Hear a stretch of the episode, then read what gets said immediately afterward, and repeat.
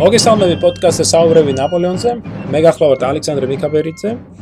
და თქვენ თქვენ დღეს თქვენთან ერთად მინდა განვიხილო ბრიტანული პოლიტიკის ერთ-ერთი საინტერესო მომენტი, რომელიც აი ტრაფალგართან მოპოვებული გამარჯვების შემდეგ ხდება, სწორედ აი 1805 წლის მიწურულიდან 1806 წლის მიწურულამდე. მე-18 საუკუნეში ზღვების და საერთაშორისო სავაჭრო ხაზების კონტროლი გახდა ევროპის დიდი ქვეყნების დაპირისპირების ერთ-ერთი ცენტრალური სტრატეგიული ელემენტი. რევოლუციური ომების დროს ბრიტანეთისგან განსხვავებით, ძლიერი სამხედრო ფლოტი არ იყო აუცილებელი საფრანგეთის გადარჩენისათვის. თითქმის ყველა მხრიდან თავდასხმის ქვეშ მყოფ საფრანგეთმა მოახდინა ამ რესურსების მობილიზირება თავისი სახმელეთო ძალების შესაქმნელად, ხოლო ფრანგული ფლოტის როლი საგრძნობლად შემცირდა. ამავე დროს ბრიტანეთის სამეფო საზღვაო ძალებში ჩატარებული ეკონომიკური, ადმინისტრაციული თუ ტექნიკური ინოვაციების შედეგად, რომელსაც დაემატა ეს საფრანგეთში არსებული კრიზისი და ფრანგულ ფლოტში არსებული ძალიან რთული ვითარება, აი ყოველივე ამან კაფიოს სამხედრო უპირატესობა მისცა ბრიტანულ ფლოტს. ბრიტანეთს გააჩნდა სამხედრო სოფლიოში უდიდესი ფლოტი, რომელიც 1805 წლის მიწურულისათვის აღემატებოდა მომდევნო 4 ქვეყნის საზღვაო ძალებს ერთად აღებულს. ბრიტანეთს გააჩნდა გაცილებით უფრო დიდი საერთაშორისო ტრანსოკეანური სავაჭრო მიმოსვლა, რაც უზრუნველყოფდა აი პროფესიული მეზღვაურების უფრო დიდ რესურსს, რომლის გამოყენება შეიძლებოდა სამეფო საზღვაო ფლოტის შესავსებად. ამავე დროს ბრიტანელმა კაპიტნებმა და ადმირლებმა გამოავლინეს ძლიერი სამხედრო სამეთაურო ნიჭი, შეიმუშავეს ახალი ტაქტიკური მიდგომები, ჩვენ უნდა ნახეთ ტრაფალგართან თუ რა გაბედულად მოქმედებს ნელსონი და მისი კაპიტნები, იგივე შეიძლება ითქვას, თქვა ნილოსის ბრძოლაში, ხო და ასე შემდეგ. ამ და აი ამ გაბედული მეთოდებით გამოყენებით მათ მოიპოვეს არაერთი გამარჯვება, ყველაზე ცნობილი, რა თქმა უნდა, ეს ტრაფალგარის ბრძოლა. ყოველივე ამან ჩაუყარა საფუძველი ატლანტიკის ოკეანეში და ხმელთაშუა ზღვის აუზში ბრიტანეთის საზღვაო ჰეგემონიას. 1805 წლის შემოდგომაზე ტრაფალგართან მოპოვებულმა ტრიუმფმა ნაწილობრივ გააქარწყლა და საფრანგეთის სამხედრო გამარჯვებები ხმელეთზე. ვინაიდან საფრანგეთის საზღვაო კონტროლი შეერყა და ბრიტანეთს მიეცა საშუალება და შესაძლებლობა მოეხდინა ფარტან ჩაეტარებინა ეს ფარტო მასშტაბიანი ოპერაციები.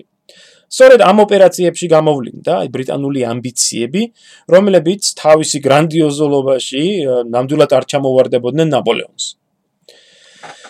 ტრაფალგარის შემდგომ პირველი ბრიტანული საზღვაო ექსპედიცია გაგზავნილი იქნა სამხრეთ აფრიკაში.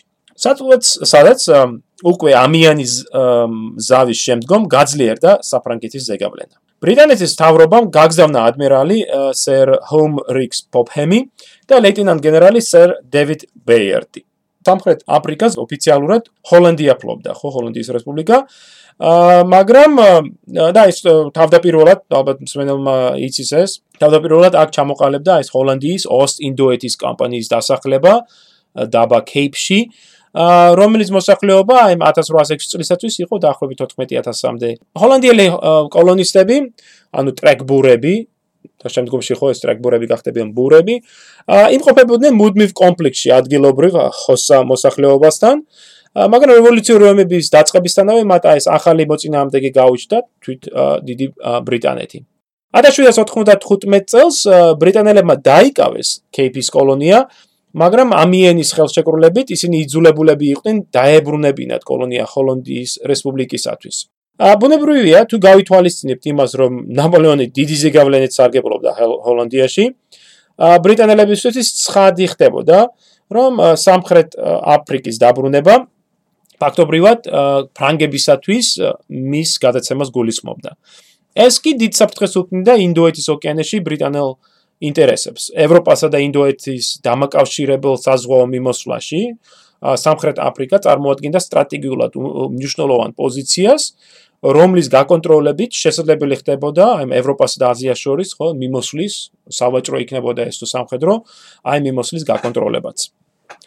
ამერიკად 1805 წლის დეკემბერში, ქრისტეშობის დღეს, სამხრეთ აფრიკის სანაპიროს მიადგა ბრიტანული ექსპედიცია. უამინდობის და ორკვირიანი მომზადების შემდეგ ბრიტანელებმა გადაწყეს ჯარი აა 7 იანვარს და ორდღიანი შეტაკების შემდეგ დაამარცხეს ჰოლანდიელი ჰოლანდიელთა გარნიზონი და დაიკავეს კეიპტაუნი. სწორედ ამ ხანმოკლე კონფლიქტის შედეგად დაედო საფუძველი სამხრეთ აფრიკაში ბრიტანული ზეგავლენის დამყარებისა და შემდგომში უკვე სამხრეთ აფრიკის ბრიტანულ იმპერიაში შესვლას. ბრიტანელები აქ დარჩებიან მომდევნო 10 წლის განმავლობაში, ხოლო 1815 წელს კოლონიის ომების დასრულების შემდეგ ვენის კონგრესმა კეიპის კოლონიას სამუდამო ფლობელობაში, ეს ეს ციტატა არის, სამუდამო ფლობელობაში გადასცა დიდ ბრიტანეთს, ხოლო ბრიტანეთის ხელისუფლების საბოლოო განმტკიცება აქ მოხდა ანგლო-ნიდერლანდული კონვენციის შედეგად, რომლის მიხედვით ჰოლანდიურმა ხელისუფლებამ სამუდამოდ აიღო ხელი ამ მიწის დაბრუნებაზე. სამხრეთ აფრიკაში ექსპედიციის პარალელურად ბრიტანეთი ასევე დიდ ყურადღებას აქცევდა ცენტრალურ და სამხრეთ ამერიკას. სადაც ბრიტანული საბაჭრო ინტერესები უკვე დიდი ხანია ცდილობდნენ ესპანელთა მონოპოლიის გარღვევას და საბაჭრო კავშირების დამყარებას. ჩვენი მსმენელებისათვის ალბათ კარგად ცნობილია ინგლისსა და ესპანეთს შორის წარმოებული ომები მე-17 და მე-18 საუკუნეებში. მათ შორის ეგრეთ წოდებული აი კაპიტან ჯენკინსის ყურის ომი, რომელიც სწორედ ამ ესპანურ კოლონიებში ბრიტანული საბაჭრო ინტერესების დამყარებასთან იყო უშუალოდ დაკავშირებული, შევახსენებ მსმენელს. რომ კაპიტან ჯენკინსის ომი დაიწყო 1739 წელს და მას საფუძვლად ედო რამდენი წლით ადრე მომხდარი ინციდენტი, რომლის დროსაც კაპიტანი ინგლისელი კაპიტანი რობერტ ჯენკინსი ცდილობდა ესპანურ კოლონიებში შეღწევას, რათა იქ ეყიდა და გაეყიდა საქონელი და ის დაჭერილი იქნა და მას ყურები დააჭრეს, ხო, ესპანელებმა. აა მოკლედ ნაპოლეონის ნაპოლეონის ომების დაწყებისთანავე ბრიტანული ხელისუფლება ბრიტანულ ხელისუფლებას სურდა გამოეყენებინა მომენტი ამერიკაში ესპანეთის ძალაუფლების შესუსტების ან საერთოდ განადგურებისათვის. ამას დიდად უწყობდა ხელს ის გარემოება, რომ ესპანეთი საფრანგეთის მოკავშირე ქვეყანა იყო. და ამრიგად ესპანურ კოლონიებში ინტერვენცია შეიძლება გამართლებული ყოფილიყო როგორც ნაპოლეონის წინამდებ მიმართულ საქმედებად. 1805 წლის დასაწყისში ჰენრი დანდასი, რომელიც ბრიტანეთის საზღვაო ძალების ხელმძღვანელობდა და ამავე დროს მჭიდრო კავშირები გააჩნდა ბრიტანეთის სავაჭრო ინტერესებთან, აქტიურად განიხილავდა ესპანეთის კოლონიებში ბრიტანულ ბრიტანული ინტერვენციის პროექტებს. ამ პროექტებს შორის იყო მაგალითად ერთი ერთიც, რომელიც ავტორი იყო ცნობილი ვენესუელელი გენერალი სებასტიან ფრანცისკო დე მერანდა, რომელიც უკვე წლებია ცდილობდა თავის სამშობლო მხარის ესპანეთისაგან განთავისუფლებას. 1805 წლის გაზაფხულზე მირანდა მოიპოვა არაფიციალური ბრიტანული მხარდაჭერა ვენესუელაში სამხედრო ინტერვენციის წარმოსაწყებად. აპრილის მიწურულს მირანდა რამდენიმე ასეული მხარდაჭერით, რომლებიც ბრიტანულ ხომალდებზე ჩავიდნენ ვენესუელაში, გადასხდნენ პუერტო კაბელოში ამბოხების წარმოსაწყებად. მათ და სამწუხაროდ ადგილობრივმა გუბერნატორმა გუევარა ვასკონსელოსმა წინასწარ შეიტყო ექსპედიციის შესახებ და მომზადებული დახვდა მას. პუერტო კაბელოსთან გაჩაღებულ შეტაკებაში მირანდა დამარცხდა და იძულებული იყო გაქცეულიყო ბრიტანულ კოლონიაში ტრინიდადში. სადაც მან ორი თვის განმავლობაში კლავ მოემზადა მოამზადა ახალი ექსპედიცია და კლავ ბრიტანელების მხარდაჭერით სადა ვენესუელაში დაბრუნება. ამჯერად მირანდა რაზმი გადასხდა დაბა ლაველასთან უკვე აგვისტოში მაგრამ კლავ წააწყდა ვასკენსელოს მიერ კარგად მომზადებულ დაცვას რის შედეგად მირანდა ხელახლა დამარცხდა და კლავ ბრიტანელების მხარდაჭერით იძულებული იყო გაქცეულიყო. მართალია მირანდამ ვერ შეძლო ვენესუელაში რევოლუციის წამოწყება, მაგრამ მისმა ქმედებმა უბიძგეს ბრიტანელებს ეცადათ ბედის სამხრეთ ამერიკის სხვა ნაწილში. კეიპტაუნში მოპოვებული წარმატების შემდეგ ადმირალმა პოპჰემმა გადაწყვიტა წაიყვანა თავისი ექსპედიცია სამხრეთ ამერიკაში. მართალია მას არ გააჩნდა სათანადო ნებართვა ლონდონიდან, მაგრამ პოპჰემი დარწმუნებული იყო, რომ მისი გადაწყვეტილება სრულად ასახავდა ბრიტანული ხელისუფლების სურვილს. პოპჰემმა მშვენივრად იწოდა, რომ ბრიტანეთი დიდი ხანია უკვე ცდილობდა ესპანურ კოლონიებში შეჭრას და ადგილობრივი ბაზრის გახსნას ბრიტანული ვაჭრობისათვის. 1702 წლიდან მოყოლებული 1783 წლამდე, ან დაახლოებით 81 წლის განმავლობაში, ბრიტანელებმა 6 ჯერ სცადეს ესპანურ კოლონიებში სამხედრო გზის გზით შეჭრა. და ბუნებრივია პოპემა ეს იწოდა. ნაპოლეონის ომებმა შექმნეს მეტად ხელსაყრელი მომენტი კიდევ ერთი ასეთი მცდელობისათვის. თუმცა ბრიტანული ხელისუფლება არ იყო ერთსულოვანი თუ რა მეთოდით უნდა მოხდარიყო ესპანურ კოლონიებში ბრიტანული ინტერესების დამკვიდრება. მართალია ზოგიერთ წევრი მოუწოდებდა სამხედრო ინტერვენციისაკენ, პრემიერ-მინისტრი უილიამ პიტი და მისი მხარდაჭერები ყოყმანობდნენ. სამხრეთ აფრიკაში გამგზავრების წინ ადმირალი პომჰემი თურმე შეხვედრილა პრემიერ-მინისტრიც და როგორც პომჰემის შემდგომში სასამართლოს დროს მიცემულ ჩვენებაში იტყვის, დიდი საუბარი მქონდა პრემიერ-მინისტრთან სამხრეთ ამერიკაში ექსპედიციის თაობაზე. ამ საუბრისას პიტმა მაცნობა, რომ ევროპაში არსებული ზოგადი ვითარების და საფრანგეთის წინააღმდეგ მიმდინარე კოალიციის შექმნის მცდელობების გათვალისწინებით ასეთი ექსპედიციის მიმართ დიდი სიფრთხილეა საჭირო და უკეთესი იქნებოდა მეგობრული მიდგომით გვეცადა ესპანეთის დაშორება საფრანგეთისაგან და რომ სანამ ასეთი მცდელობის შედეგს არ გავიგებთ, უკეთესი იქნება შეგვეჩერებინა სამხრეთ ამერიკაში ყველა სამხედრო ოპერაცია. მაგრამ თუ აშკარა გახდა რომ ეს მცდელობა, ანუ მცდელობა საფრანგეთს და დაეშორებინათ ესპანეთის საფრანგეთს, თუ ეს მცდელობა წარუმატებელი გამოდგა, მაშინ დაუყოვნებლივ უნდა დაუბრუნდეთ საწყის მიზანს, ანუ სამხრეთ ამერიკაში სამხედრო სამხედრო ინტერვენციას. სწორედ ამის იმის გათვალისწინებით, რომ ესპანეთი კვლავ რჩებოდა ნაპოლეონის მოკავშირედ და რომ გაერთიანებული ფრანგულ-ესპანური ფლოტი განადგურდა ტრაფალგარის კონცხთან მომხდარ ბრძოლაში, ხო, 1805 წლის ოქტომბერში, პოპხემი დარწმუნებული იყო, რომ მის ხელთ იყო იშვიათი შესაძლებლობა შეჭრილიყო ესპანურ კოლონიებში და აესრულებინა ბრიტანეთის დიდი ხნის საწოდელი. პოპხემმა გადაწყვიტა პირველი იერიში მიეტანა რიო დე ლა პლატაზე, ანუ დღევანდელ არგენტინაზე. სადაც წარმატების შემთხვევაში შეიქმნებოდა ბრიტანულის და სამხედრო და სავაჭრო პლაცდარმი. და დაიწყებოდა როგორც პოპჰემი თვითონ აღნიშნავს ერთ-ერთ წერილში სამხრეთ ამერიკის ზოგადი ემანსიპაცია. 1806 წლის 14 აპრილს ბრიტანულმა ფლოტმა დატოვა სამხრეთ აფრიკის სანაპირო და ატლანტიკის გადაკვეთა დაიწყო. წმინდა ელენეს კუნძულზე ხანმოკლე შესვენების შემდეგ ოფემი მიადგა დღევანდელ არგენტინის სანაპიროს ივნისის დასაწყისში.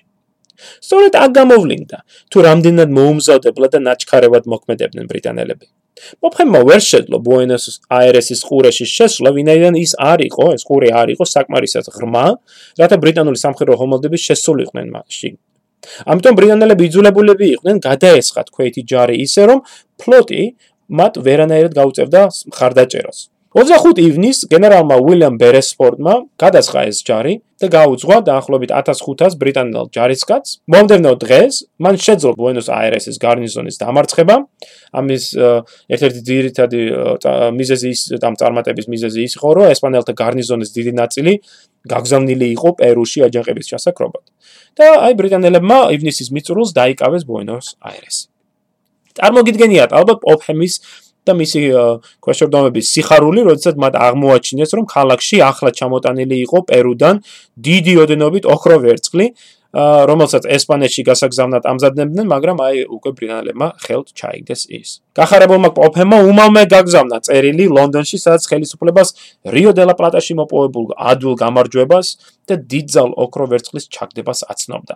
საუბრობდა ასევე მთელი სამხრეთ ამერიკის გათავისუფლებაზე და რაც თავარია რეგიონში ბრიტანული სავაჭრო ინტერესების დამკვიდრებაზე. პოპემის სიხარული ნაადრევი გამოდგა. ბრიტანელებს ედგონათ, რომ ადგილობრივი მოსახლეობა მათ მიიღებდა როგორც ესპანურ უღელისაგან განმანთავისუფლებლებს და დიდი სიხარულით შეეგებოდნენ მას. წარმოიდგინეთ ალბათ მათი გაკვირვება, როდესაც საპირისპირო რამ მოხდა და ადგილობრივი მოსახლეობა მეტად მტრულად განწყობილი დახვდა ბრიტანელებს. მართალია ბუენოს აირესის მართველი საბჭო, ეგრეთ წოდებული კაბილდოს, ამ კაბილდოს წევრები დათანხმდნენ ბრიტანელებთან თანამშრომლობაზე. მაგრამ მოსახლეობის უმეტესმა ნაწილმა წინააღმდეგობა გაუწია ქალაქში ბრიტანული წესრიგის დამყარებას. უფრო მეტიც, ადგილობრივი ვაჭრები დიდად შეშფუთებულები დარჩნენ ბრიტანელების მიერ თავისუფალ ვაჭრობაზე საუბრით. ვიდრე ეს გულისხმობდა არსებული პრივილეგიების გაუქმებას და ბრიტანულ ინდუსტრიასთან, ხო, და სავაჭრო ინტერესებთან პირდაპირ კონკურენციას, რომელიც უდავოდ გააკონტრებდა ადგილობრივ ვაჭრებს. ერთი კვირის თავზე, ბუენოს აირესში უკვე ანტიბრიტანული მღელვარებები შეიმჩნეოდა.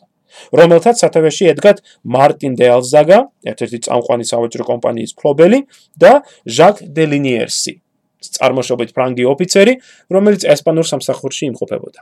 აგვისტოს დასაწყისში ალზაგამ ბუენოს აირესში აჯანყება წამოიწყო, ხოლო ლინიერსმა მონტევიდეოში შეკრიბა ძალები და ბუენოს აირესზე მიიტანა იერიში.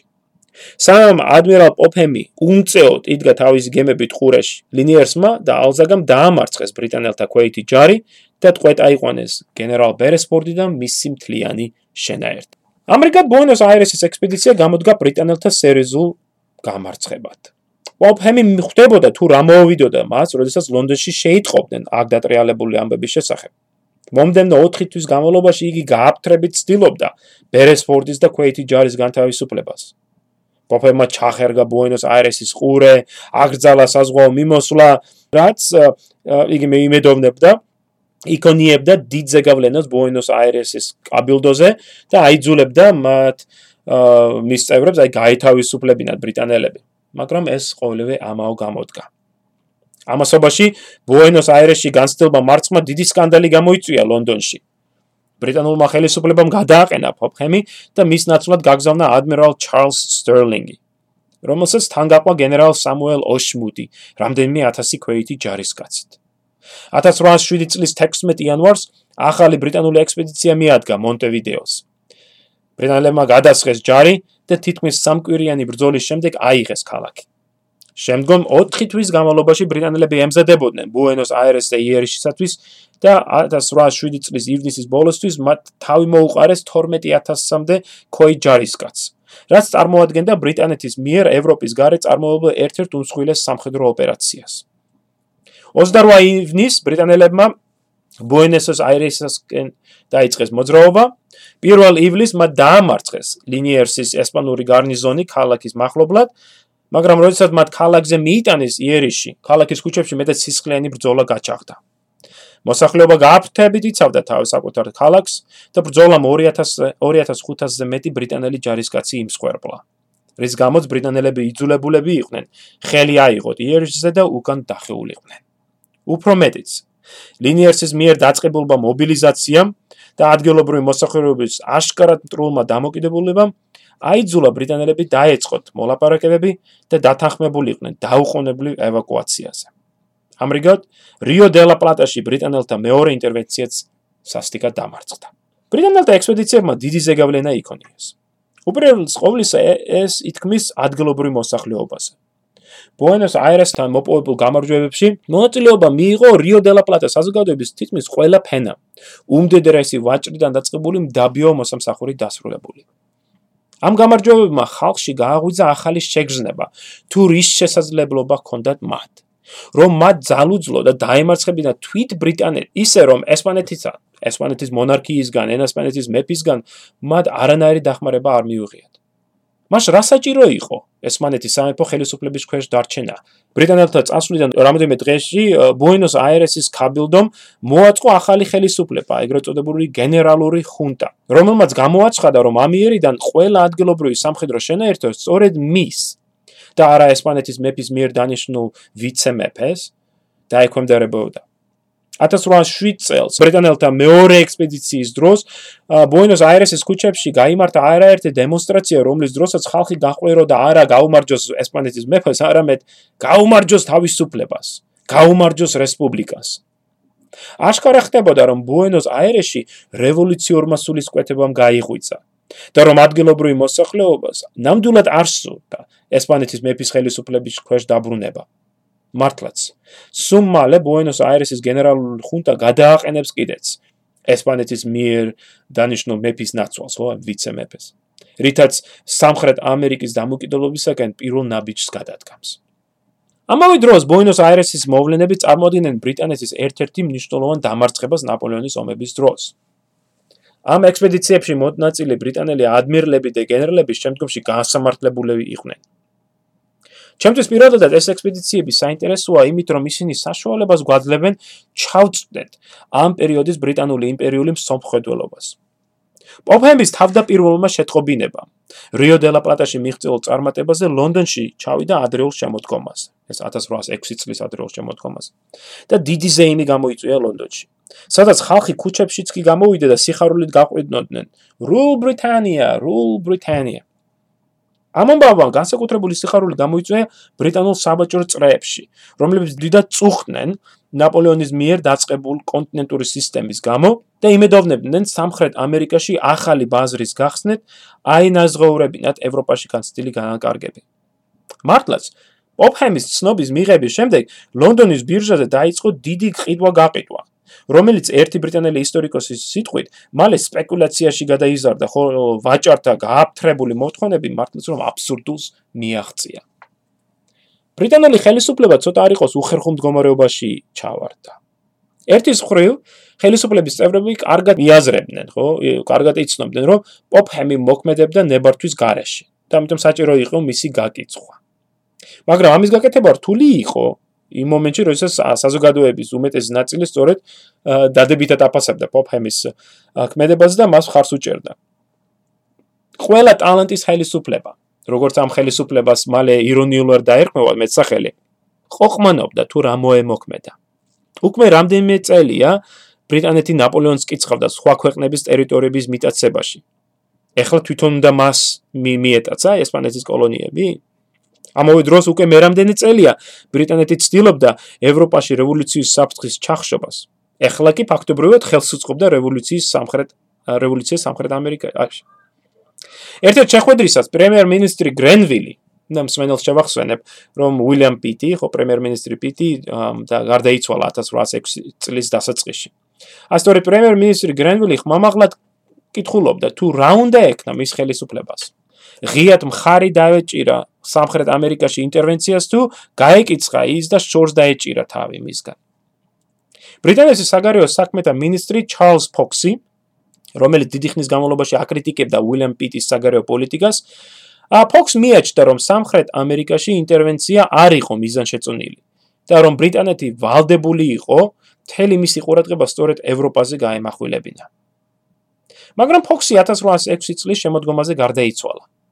რის შემდეგ ბრიტანეთის ხელისუფლებაში ინტერვენციულმა სულისკვეთებამ იმწნავრა. სავაჭრო საბჭოს უფროსმა, უილიამ ინდენმა, ოკლანდის ლორდმა, მოუწოდა ხელისუფლებას დაუყოვნებლივ მიიღო ზომები ბრიტანული ვაჭრების ხარდასაჭერად. ვინაიდან მისი სიტყვით ნაპოლეონის მიერ ევროპული სახელმწიფოების დამარცხებამ ცხადყო, რომ სასიცოცხლოდ მნიშვნელოვანია მივიღოთ ზომები ბრიტანული ინტერესების დასაცავად. მე ღრმა დარწმუნებული ვარ, რომ ევროპაში შექმნილი დღევანდელი ვითარების გათვალისწინებით ჩვენი სავაჭრო ინტერესების განვრცობა სოფლიოს სხვადასხვა კუთხეში წარმოადგენს ომის წარმოების ყველაზე ეფექტურ ფორმასო. სკაუსის სულისკვეთება შეიმჩნევა ბრიტანეთის ახალი საგარეო საქმეთა მინისტრის ჩარლზ გრეის ჰოვიკის ლორდის ჩანაწერებშიც და მის წერილებში და მემორანდუმებში. ჰოვიკის ლორდი ამბობდა, რომ ვინაიდან ბრიტანეთის მიერ მოწყობილი სამი ევროპული კოალიცია უკვე დამარცხდა, დრო იყო ბრიტანეთს ხელი აიღო ევროპაზე და ყურადღება სოფლიოს სხვა კუთხეებზე გადაეტანა. სწორედ ასეთმა მიდგომამ განაპირობა ის, რომ 1806 წლის შემოდგომაზე პრუსია, რომელიც ნაპოლეონის წინააღმდეგ ომისათვის ემზადებოდა, ვერ შეძლო ბრიტანეთის ხარდაჭერის მოპოვება. ამ ხრივ მეტად საინტერესოა ბრიტანეთის საგარეო საქმეთა მინისტრის პასუხი, საკმაოდ უკმეხი პასუხი პრუსიელთა თხოვნაზე. ამ წერილში, სხვა შორის, აი ბრიტანელი მინისტრი აცხადებს, რომ ვინაიდან პრუსია 1795 წლიდან დაზავებული იყო საფრანგეთთან და ხელს არანძრევდა ბრიტანეთის ხარდასაჭერად, ეხა ბრიტანეთს არ სურდა მისი ხარდაჭერა და პრუსიაზე ხფულის ხარჯვა. რიო დე ლა პლატაში პოპჰემის შეჭრით ყველაზე მეტად იმედ მოცემული იყო ბრიტანეთის ომისა და კოლონიების მინისტრი უილიამ უინჰემი. მისი აზრით ევროპაში შექმნილი ვითარების გათვალისწინებით აზრი აღარ ჰქონდა ბრიტანული საზღვაო ძალების ევროპაში გამოყენებას, მაშინ როდესაც ბრიტანეთი ბევრად უფრო დიდ სარგებელს ნახავს სოფლიოს სხვადასხვა მხარეში ამ ძალების გაგზავნით. აქ უინჰემის უპირველეს ყოვლისა გულისხმობდა სამხრეთ ამერიკას. ყოველივე ამის გათვალისწინებით არ არის გასაკვირი რომ 1806 წლის შემოდგომაზე სანამ ნაპოლეონი ანადგურებდა მეოთხე კოალიციას. ბრიტანული ხელისუფლება დაკავებული იყო სამხრეთ ამერიკის დაპყრობის გეგმებით. მე მქონდა საშუალება გავცნობოდი ამ გეგმების ჩანაწერებს არქივებში და მინდა გაგიზიაროთ ერთი განსაკუთრებით ფანტასტიკური გეგმა, რომელიც პრემიერ-მინისტრმა გრენვილმა 1806 წლის ოქტომბერში განიხილა. ამ გეგმის მიხედვით რამდენიმე ათასიანი ბრიტანული საექსპედიციო корпуსი გაიგზავნებოდა ბრიტანეთიდან ბუენოს-აირესში, ადმირალ პოპჰემის ექსპედიციის მხარდასაჭერად. აქ ბრიტანული ძალები ორად გაიყოფოდა. ერთი ნაწილი განაგრძობდა შეტევას რიო-დე-ლა-პლატაში, ხოლო მეორე ნაწილი გადაკვეთავდა ატლანტიკის ოკეანეს. აიყვანდა 1000 ჯარისკაცს კეიპტაუნში. შემდეგ გადაკვეთდა ინდოეთის ოკეანეს. ჩავიდოდა ინდოეთში. აიყვანდა დამატებით 4000 ჯარისკაცს. შემდეგ გადაკვეთდა ინდოეთის ოკეანეს მეორე მხარეს. შეიჭრებოდა ფილიპინებში. დაიკავებდა მანილას, ხო, ეს ფილიპინები ხომ ესპანეთის ერთ-ერთი მნიშვნელოვანი პროვინცია არის.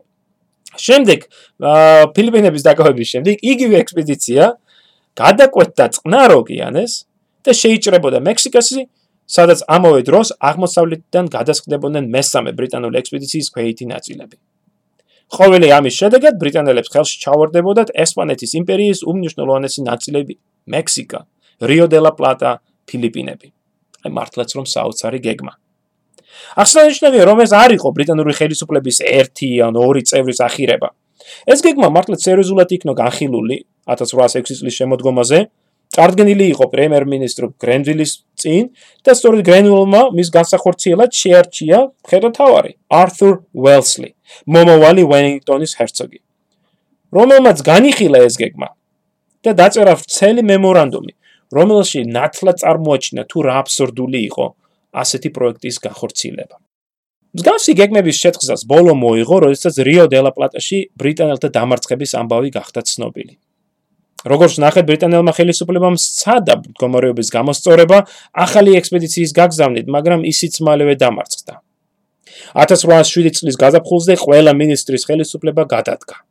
და ბრიტანეთის სათავეში ჩადგა უილიამ ჰენრიკ ავენდიშის, პორტლანდის ჰერცოგის ხელისუფლება, რომელმაც კაცრად გააკრიტიკა მისი წინარმორბედის პოლიტიკა და სამხრეთ ამერიკაში ინტერვენციებზე ხელი აიღო. პორტლანდის აზრით, არსებობა სხვა გზებიც, რომელთა მეშვეობით ბრიტანელებს შეეძლოთ ამ რეგიონში თავისი ინტერესების დამკვიდრება. მაგრამ სანამ ეს ყოველივე მოხდებოდა, საჭირო იყო ევროპაში სიტუაციის მოგვარება.